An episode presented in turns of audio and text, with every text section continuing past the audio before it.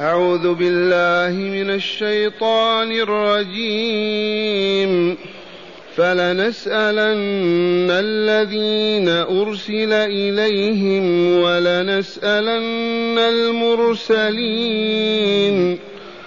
فلنقصن عليهم بعلم وما كنا غائبين. والوزن يومئذ الحق. فمن ثقلت موازينه فأولئك هم المفلحون. ومن خفت موازينه فأولئك الذين خسروا أنفسهم. فأولئك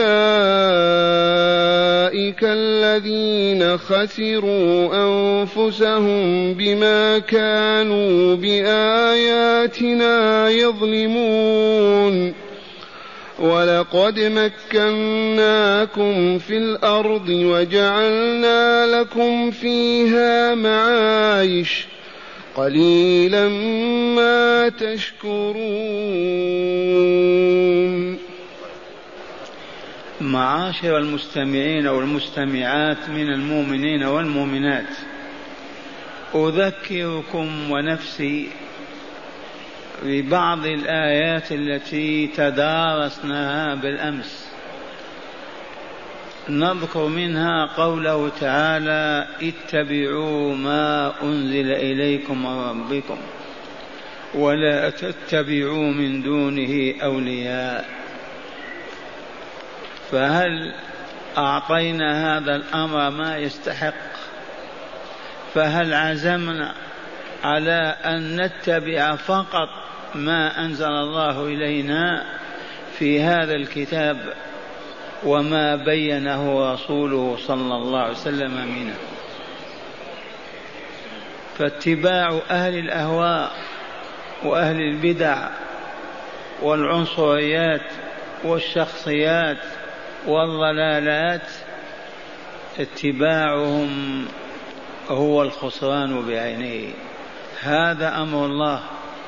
اتبعوا ما أنزل إليكم ربكم وما بينه رسول الله المسمى بالسنة. فهذا هو منهج السلامه وطريق السعادة. أن نعتقد ما جاء في كتاب الله.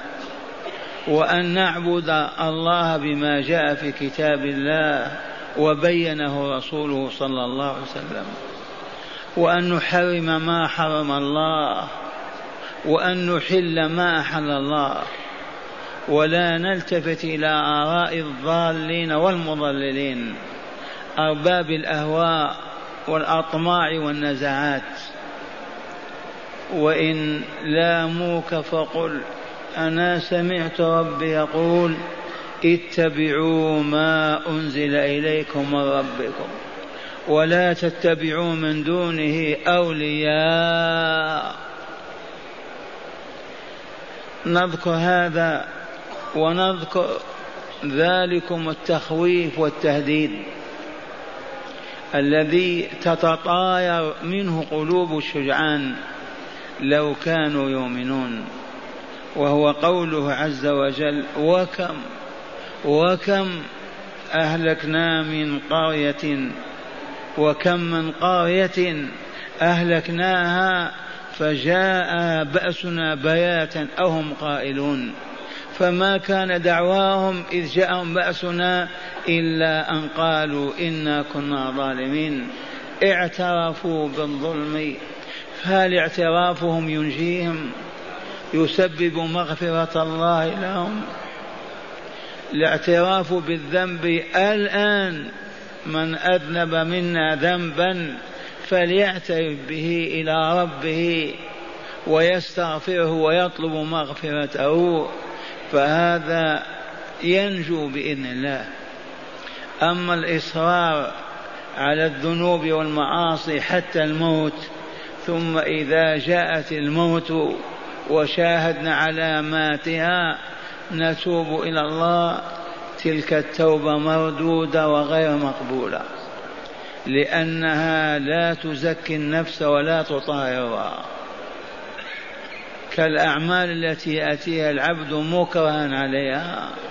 أو أتاها وهو ناس لها أو جاهل بها ما تزكي نفسه أبدا. وكم من عاصمة وكم من حاضرة وكم وكم أهلكها الله عز وجل بسبب ماذا؟ بسبب انحرافهم عدولهم عن الحق إعراضهم عن كتاب الله وهدي رسوله عليهم السلام ثم في الآيات الليلة يقول تعالى فلنسألن وعزتي وجلالي لنسألن الذين أرسل إليهم ولنسألن المرسلين. والله لو عرف مؤمن هذا لقد يغمى عليه. يقسم الله بأنه سيسأل الرسل أنفسهم هل بلغوا هل لو أدوا ما أمرهم بأدائه هل دعوا هل أنذروا هل خوفوا؟ ويسأل من أرسل إليهم؟ وتابعة هذا السؤال وثمرة ونتيجته الجزاء بحسب ما يحق ويثبت في ذلك المقام بين يدي الله عز وجل. فلنسألن الذين أرسل إليهم من الشعوب والأمم والجماعة والأفراد يسألهم الله واحدا واحدا. عن كل ما فعلوا وتركوا. عن كل ما أهملوا وعن كل ما أضاعوا أو قاموا به وفعلوا. ولنسألن المرسلين. إذا كان أنبياء الله رسل الله يسألون. فكيف بنا نحن ونحن العبيد الذين ما خلقنا أبدا إلا لعبادته؟ أعرضنا عنها وانصرفنا إلى غيرها وشاققناه وحاربناه والعياذ بالله. كيف يكون موقفنا؟ أسألكم بالله. والله يخبر مؤكدا الخبر بمقتضى القسم. فلنسألن الذين أرسل إليهم من البشر ولنسألن المرسلين أنفسهم. يسأل الرسول هل بلغت كيف بلغت؟ من يشهد لك؟ فكيف بالمرسل إليهم؟ الرسل معصومون محفوظون. والله ما عصوا الله ولا خرجوا عن طاعته. ولكن من باب إظهار العدالة الربانية يبدأ بالرسل يسألهم فكيف بغير الرسل يسألهم عن ماذا؟ ماذا أكلتم؟ ماذا شربتم؟ ماذا لبستم؟ ماذا سكنتم؟ ماذا قلتم؟ ماذا قمتم؟ ما كل الحركات والسكنات نسأل عنها. والرسل يسألون عن البلاغ وحمل الرسالة وأدائها إلى من أمروا بإبلاغها لهم. فلنسألن الذين أرسل إليهم ولنسألن المرسلين. ثم قال تعالى فلنقصن عليهم بعلم وما كنا غائبين. فلنقصن القصص تتبع الأشياء جزءا بعد جزء كالذي يقص الأثر. فلنقصن عليهم أعمالهم من ساعة تبليغهم وبلوغهم إلى موتهم.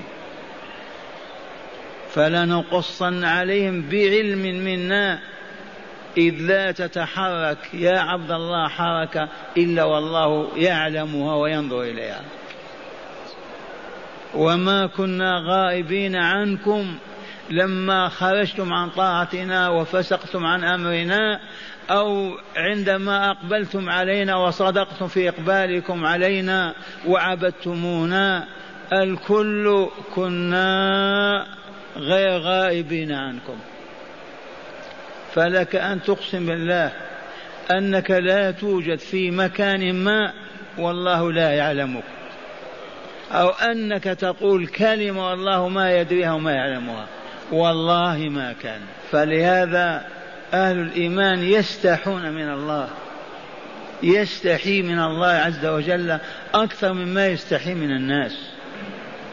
إذا أراد أن يتكلم بالكلمة يستحي من الله فلا يقولها لأنها غير مرضية لله عز وجل. ما أذن الله بها ولا سمح بها. فلا يتكلمها. خطوة يخطوها يمين أو شمال لا يخطوها حتى يعرف هل الله راض عنها أو ساخط بل لقمة الطعام لا يتناول حتى يدري هل الله راضي عني في هذا أو غير راضي هذا هو الإيمان الحق. ولكن الذين أعرضوا عن كتاب الله وما تدارسوا ولا فهموا ما يعرفون هذا. ما يذكرونه ينسونه. فلنقصن عليهم أي على الرسل والمرسل إليهم بعلم. ما هو فعلت وفعلت بدون علم سابق بعلم سابق. وكيف والله علم أعمالنا قبل وجودنا وسجلها في ديوان القضاء والقدر. وحال اكتسابنا للقول والعمل الله معنا. والله معكم أينما كنتم. فلنقصن عليهم بعلم. ما تتبع القول من شخص يدري ساعة ولا يدري أخرى لكن بعلم كامل. وما كنا غائبين عنهم. هل يغيب الله عنا؟ نحن بين يديه أكثر من النملة بين يديك أنت.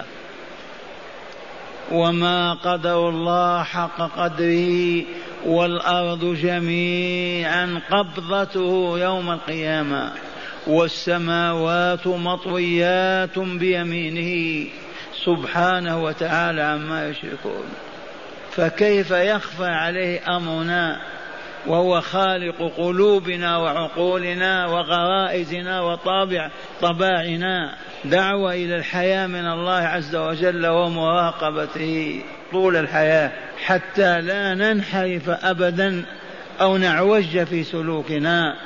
وقد بين الله لنا الطريق وهدانا إليه. ألا وهو هذا الإسلام العظيم. ثم قال تعالى والوزن يومئذ الحق. الوزن تعرفون الميزان وما يوزن فيه. من جواهر الذهب وإلى العنب والتمر. هذه الموازين من خلقها الله خلقها. من هدى الناس إليها الله هداهم إليهم. ليوزعوا الحق ولا يظلم ولا يعتدوا. الوزن يومئذ الحق الثابت. ونعم. واقرأوا. اسمع اسمع. القارعة. ما القارعة؟ وما أدراك ما القارعة؟ يوم يكون الناس كالفراش المبثوث. لا عقول ولا فهوم ولا تعالي ولا علم ولا جهل. كالفراش المبثوث لهزة الأرض وحركتها. فأما من ثقلت موازينه فهو في عيشة راضية مرضية. فأما من ثقلت موازينه هذا محل الشاهد. كيف حاله؟ فهو في عيشة راضية. وأما من خفت موازينه فأمه هاوية وما أدراك ما هي نار حامية. والشاهد في الموازين وتوضع الموازين وتوزن الأعمال ولا تقولن كما يقول الفلاسفة واليونانيون والمعتزلة من هذه الأمة المنحرفون أن الأعمال كيف توزن وهي صفات وأعراض؟ ما هي ذوات؟ وعاموا أن الله يجعل لها ذوات بكلمة كن. هذه الصفات الأعراض تصبح أعمالا توزن ذات ثقل وترجح كفة الميزان أو تخف والوزن يومئذ الحق فمن ثقلت موازينه فأولئك هم المفلحون. المفلحون الفائزون. نكرر القول أفلحوا بماذا؟ فازوا بماذا؟ أفلح فلان فاز فلان بأي شيء. الآن في دنيانا أفلح في تجارته. نجح في عمارته فاز في دراسته هذا هو الفوز. نجح في أولاده رباهم وأصبحوا لكن هذا كله زائل وفان وينتهي. فالفلاح الحق الذي نكرر القول فيه أن تبعد هكذا عن عالم الشقاء. وتجد نفسك في عالم السعادة. أن تنجو من النار دار البوار وتدخل الجنة دار الأبرار. والله عز وجل بين لنا هذا. إذ قال وقوله الحق فمن زحزح عن النار وأدخل الجنة فقد فاز. وما الحياة الدنيا إلا متاع الغرور. من هم المفلحون؟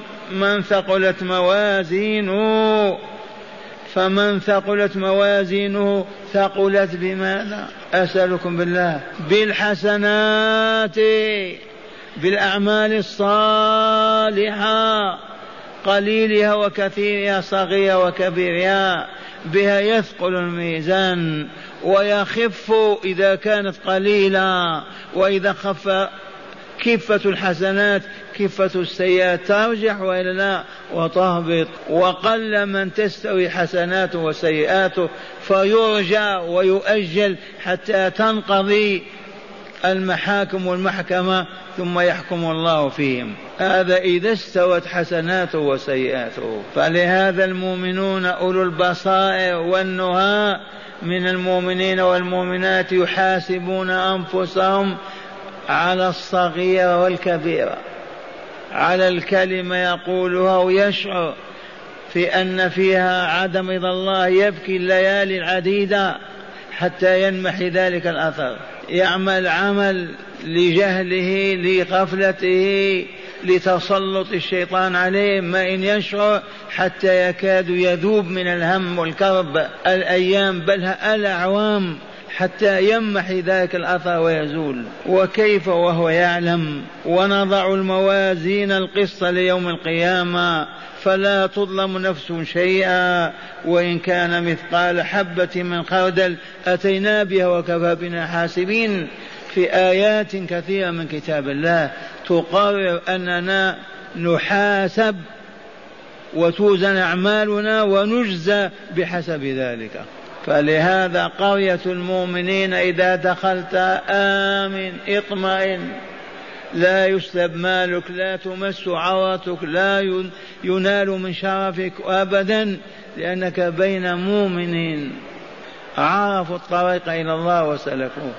وتدخل إلى قرية أهلها جهلا يعيشون على الظلام لا تسلم لا في عرضك ولا بدنك ولا مالك. لا يحاسبون أنفسهم ولا يعرفون محاسبتها وعلة ذلك ما عرفوا ما علموا. لماذا لم يعرفوا ولم يعلموا؟ ما طلبوا. ما أرسلنا إليهم من يعلمهم ما بعثنا إليهم من يعرفهم.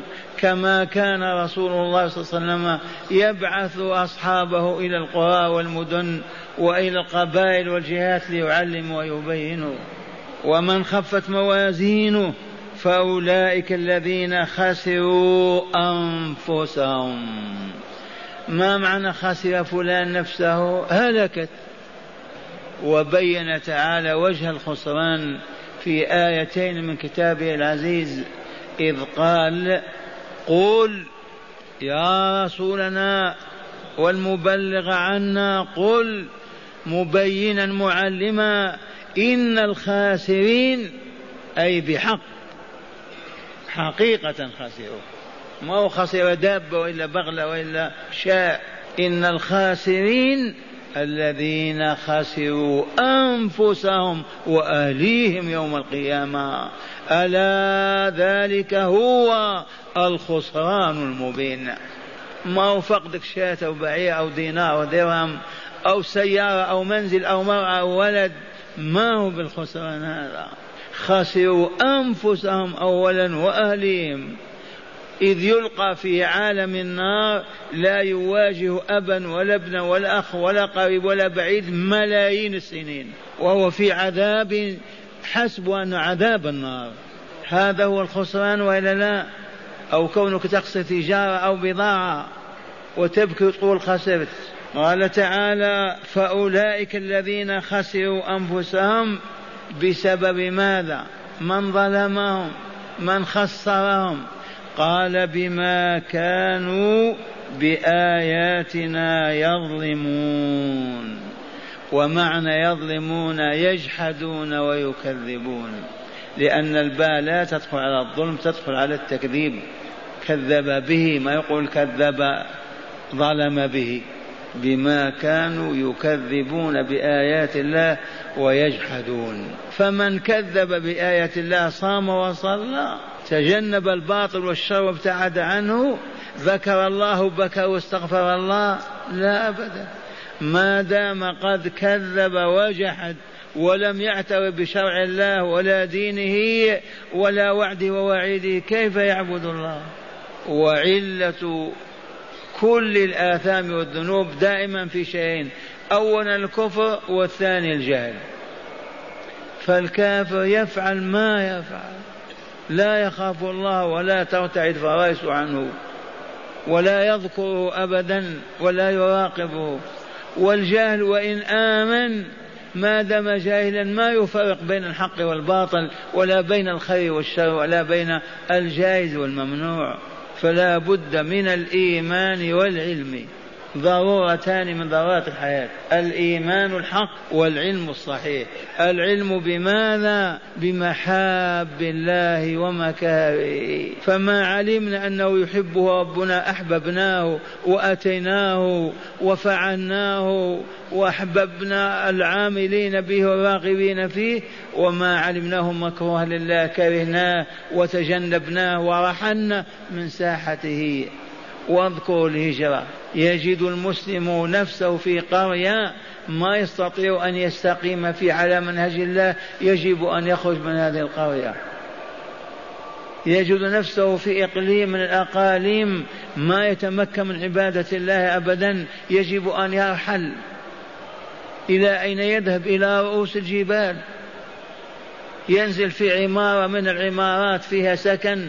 فلا يستطيع أن يغض بصره ولا أن يحفظ فرجه يجب أن يرحل. ينزل في بلاد كلهم يعيشون على الربا والعياذ بالله تعالى ولا يجد درهما من حلال. والله ما جاز أن يقيم بينهم. فليرحل حتى ينجو من الخسران. هكذا يقول تعالى ومن خفت موازينه فأولئك الذين خسروا أنفسهم بسبب ماذا؟ بسبب ما كانوا بآياتنا يظلمون أي يكذبون ويجحدون وتحمل الآية معنى آخر كانوا يظلمون بالآيات شرائع الله عز وجل يحرفونها ويبدلونها ويغيرونها ليسهل عليهم فعل الباطل والشر بين الناس وقال تعالى ممتنا علينا ولقد مكناكم في الأرض.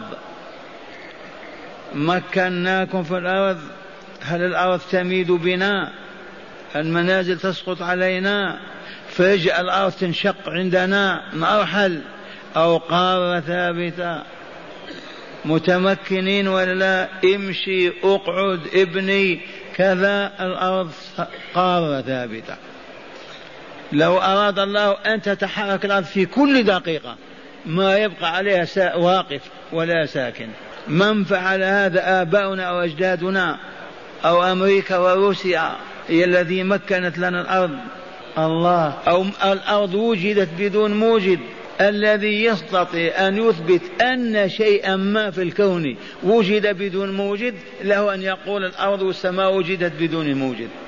هذه الكلمة خبث وعبث وباطل كما نقول مثلا هذا الخيط ممكن تعتقد أنه وجد من نفسه تصدق. لماذا الشمس تقول وجدت من نفسها؟ هل تستطيع أن تقول هذا العمود وجد هكذا بدون موجد؟ كيف إذا البشرية كلها من أوجدها؟ فالذين ينكرون وجود الله الملاحدة والعلمانيين وحاولوا أن, يتر... أن يستتروا بكلمة الطبيعة.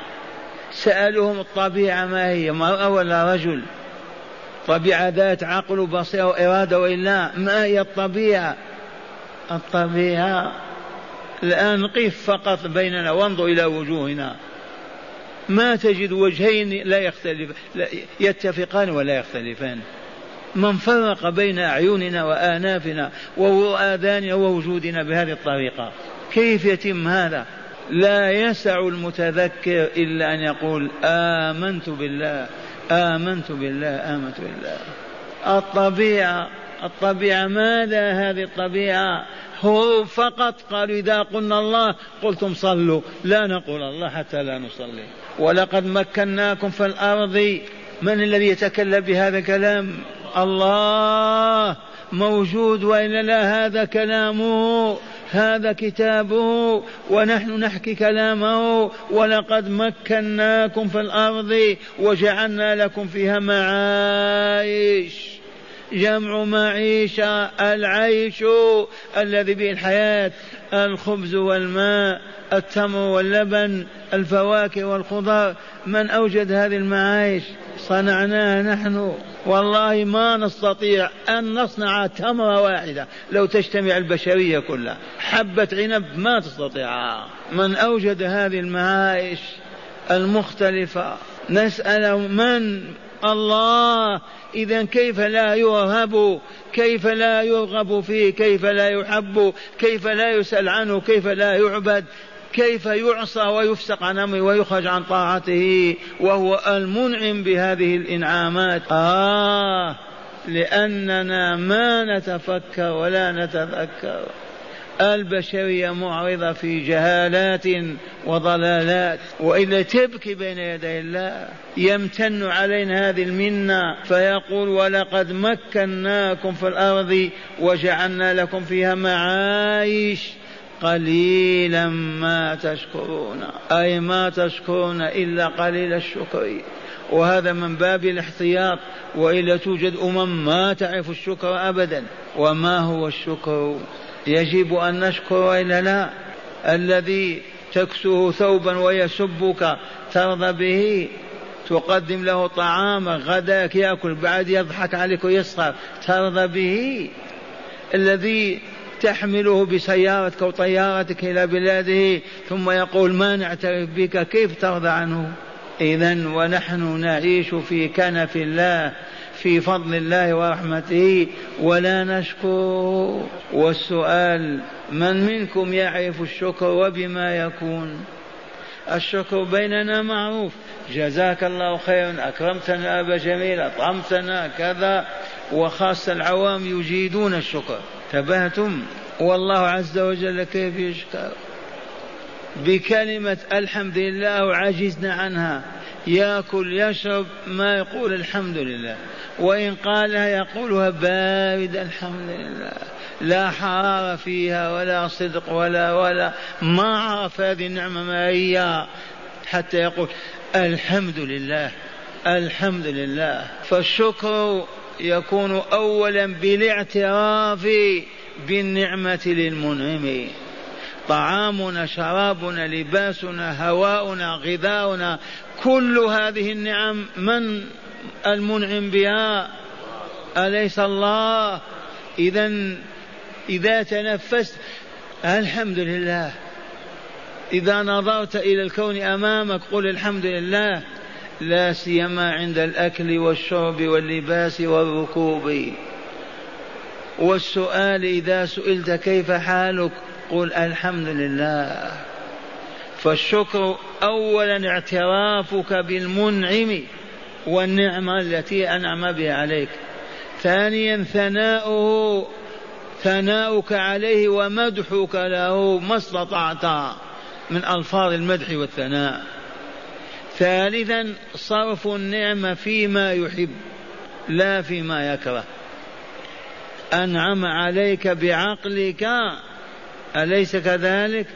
احمده واشكره فلا تعمل في عقلك ما هو ضد الله عز وجل وضد محابه. استخدمه فيما يرضي الله عز وجل. بصرك فقط استعمله فيما يرضي الله لا فيما يغضبه أما أمرك أن تغض بصرك؟ قل للمؤمنين يغضوا من أبصارهم فغض بصرك طاعة لربك. لا تفتح في امرأة لا يحل لك النظر إليها. كلامك نطقك منطقك لا تنطق بكلمة إلا بما يرضي الله عز وجل. أما ما يسخط ويغضبه كيف ينعم عليك بلسانك ومنطقك وتتكلم به ضده؟ أيعقل هذا؟ وهكذا الشكر عباد الله.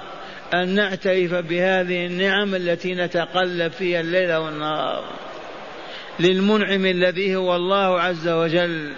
ونشكره باللسان والأعمال الأعمال الآن تقوم تصلي ركعتين شكرا لله عز وجل. تصدق بريالين شكرا لله تعالى. ترفع يديك إلى الله داعيا سائلا ذاك شكرا لله عز وجل. فكل الصالحات هي شكر لله عز وجل. وكفر النعم هو استخدامها ضد من أنعم بها. اذكروا على الأقل بسم الله عند الأكل والشرب. الحمد لله عند الفراغ. عند السؤال كيف حالك؟ الحمد لله. دائما ذكر الله على ألسنتنا وقلوبنا معه إذ هو المنعم المتفضل المحسن.